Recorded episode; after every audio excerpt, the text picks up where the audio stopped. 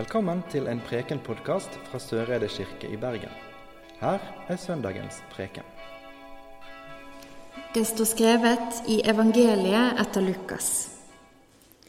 En av fariseerne innbød Jesus til å spise hos seg, og han gikk inn i fariseerens hus og tok plass ved bordet.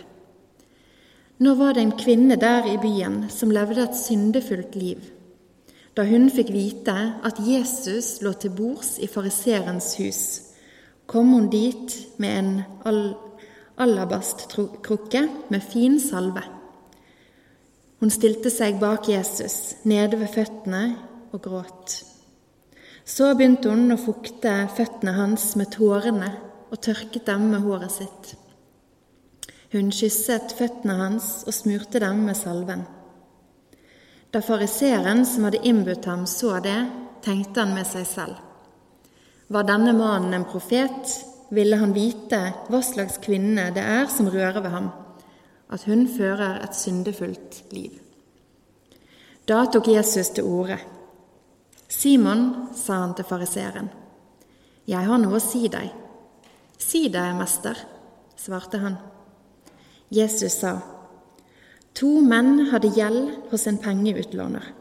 Den ene skyldte 500 denarer, den andre 50.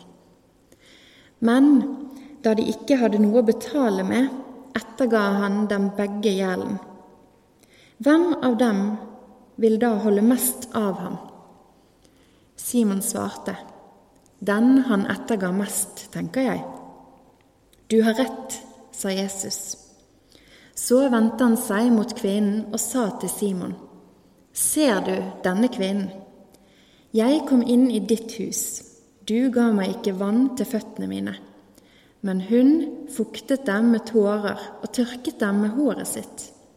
Du ga meg ikke noe velkomstkyss. Men helt fra jeg kom, har hun ikke holdt opp med å kysse føttene mine. Du salvet ikke hodet mitt med olje, men hun smurte føttene mine med den fineste salve. Derfor sier jeg deg, hennes mange synder er tilgitt. Derfor har hun vist stor kjærlighet. Men den som får lite tilgitt, elsker lite. Så sa han til kvinnen, syndene dine er tilgitt. Da begynte de andre gjestene å spørre seg selv, hvem er han som til og med tilgir synder? Men Jesus sa til kvinnen, Din tro har frelst deg. Gå i fred. Slik lyder det hellige evangelium.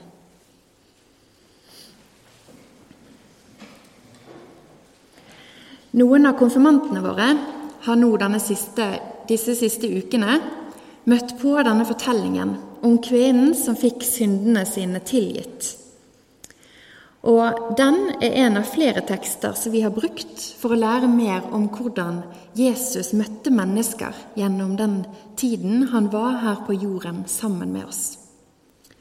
Konfirmantene som har fått denne teksten, har måttet ta litt hjelp til å forstå hva som egentlig skjer her.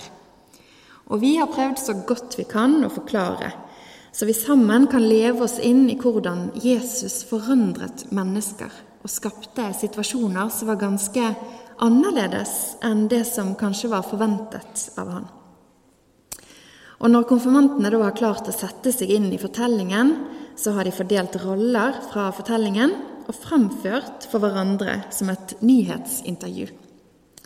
Og Hensikten med disse intervjuene det har vært å få fram eh, denne fortellingen. At her er det noe som har skjedd, som krever vår oppmerksomhet. Et nyhetsintervju. For det er akkurat det som har skjedd her, med denne kvinnen, hjemme hos fariseeren Simon, med Jesus liggende til bords i et middagsselskap. Det har skjedd noe som krever vår oppmerksomhet. Og Derfor så stopper vi opp og bruker tid på denne fortellingen i undervisningen. Og får det da fremført som et nyhetsintervju for hverandre. Foranledningen til fortellingen er at Jesus har blitt invitert på middagsselskap i huset til Simon. Simon er fariseer, vil si at han sannsynligvis var veldig opptatt av å følge budene og reglene i Skriften.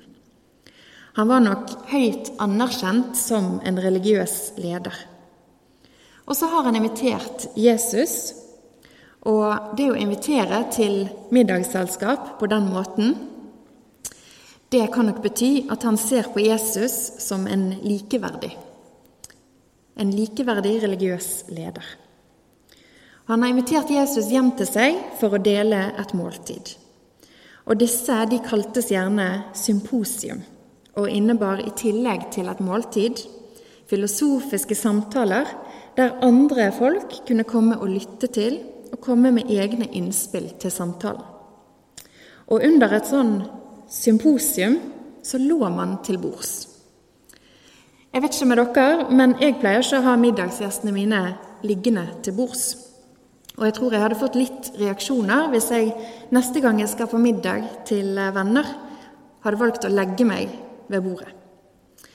Men det kan jo være at samtalen hadde blitt litt mer interessant da. Uansett så gjorde de det sånn i Romerriket, og dermed òg selvfølgelig i Judea på Jesu tid. En annen ting som var litt annerledes enn middagsbesøk i dag, var at hjemmene de bodde i den gang, der sånne måltid ble holdt, de hadde gjerne ikke en dør. Og Dermed så kunne jo hvem som helst komme inn og ta del i fellesskapet.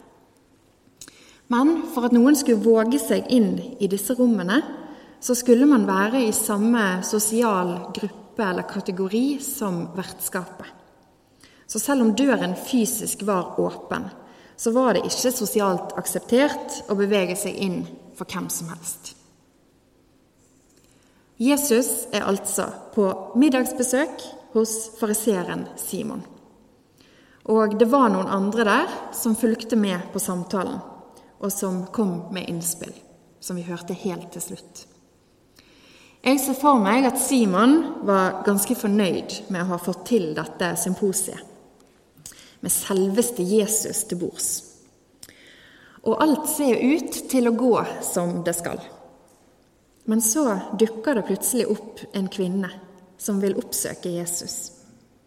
Og denne kvinnen hun er ut ifra det vi leser om henne, en som har gjort ganske mye dumt i sitt liv.